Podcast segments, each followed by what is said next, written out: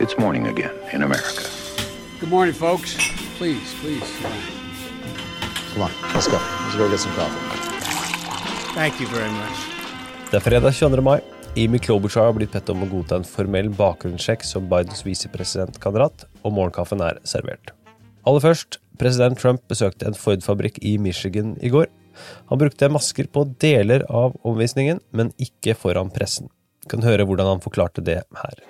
Take us through your thought process of why you decided not to wear Well, I did wear. I had one on before. I wore one in this back area, but I didn't want to give the press the pleasure of seeing it. But no, where I had it in the back area, I did put a uh, mask on. Trump hadde blitt testet for covid-19 tidligere på dagen, og han oppsummerte det slik.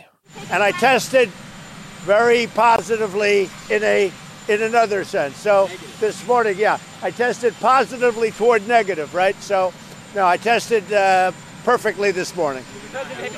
Meaning, meaning I tested negative.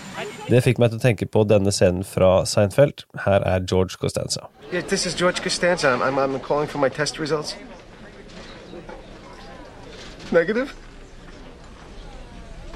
Oh my god. Oh, why? Why?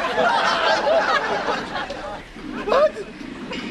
Ne- negative's good? Oh, oh, you're, you're so good.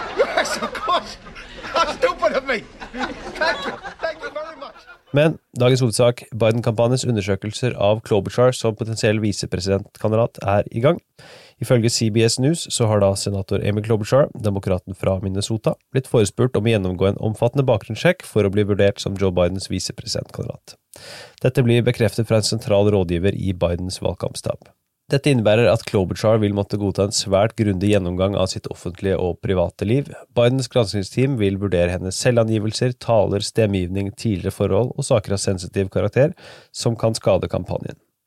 Klobuchar er en av flere kvinnelige politikere som blir vurdert som mulig, mulig visepresidentkandidat. Det er altså flere som da er i gang med lignende undersøkelser, som Biden-kampanjen nå gjør av Klobuchar.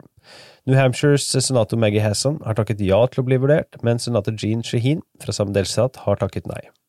Vi snakket om uh, Amy Klobuchar som en mulig nummer to for Biden i en tidligere episode av 2020, så sjekk det, så kan du høre mer om Klobuchar. Dagens andre sak, arbeidsledigheten fortsetter å stige. Nye tall viser at 2,4 millioner amerikanere søkte om arbeidsledighetstrygd i forrige uke, ifølge Arbeidsdepartementet. USA er nå inne i den største arbeidsledighetskrisen siden depresjonen på 1930-tallet. Samlet har hele 38,6 millioner amerikanere søkt om trygd siden pandemien startet. President Trump fikk i går spørsmål fra Paul Reed i CBS om hvorfor han ikke har kunngjort noen klar plan for hvordan disse amerikanerne skal komme tilbake på arbeid. Oh, I think I think we've announced a plan. We're opening up our country. Just a rude person you are. We're opening up our country. Uh, we're opening it up very fast. Uh, the plan is that each state is opening, and it's opening up uh, very effectively. And uh, you, when you see the numbers, I think uh, even you will be impressed, which is pretty hard to impress you. Yeah, go ahead, please. Go ahead. It's enough for you. Det var ukas siste ordinære utgave av Morgenkaffen. Dersom du ikke allerede har gjort det, ta og hør på 2020 fra tidligere denne uken her, der jeg, Henrik, Vårin og Sigrid snakker om Obamas inntreden i valgkampen, i tillegg til mulighetene Stacey Abrams har til å bli Joe Bidens visepresidentkandidat. Dagens utgave av Morgenkaffen er servert av Vilde Ørno og undertegnede Are Togoflaten. Du leser mer på amerikanskpolitikk.no, og dersom du også ønsker deg lørdagsutgaven, så tar du turen til patreon.com ampol, så leser du mer om hvordan du kan støtte oss med noen få dollar i måneden. Yeah, please. What about the example that it would set for other Well, I Americans? think it sets an example. I think it sets an example both ways, and as they say, I did have it on. Thank you. Right here.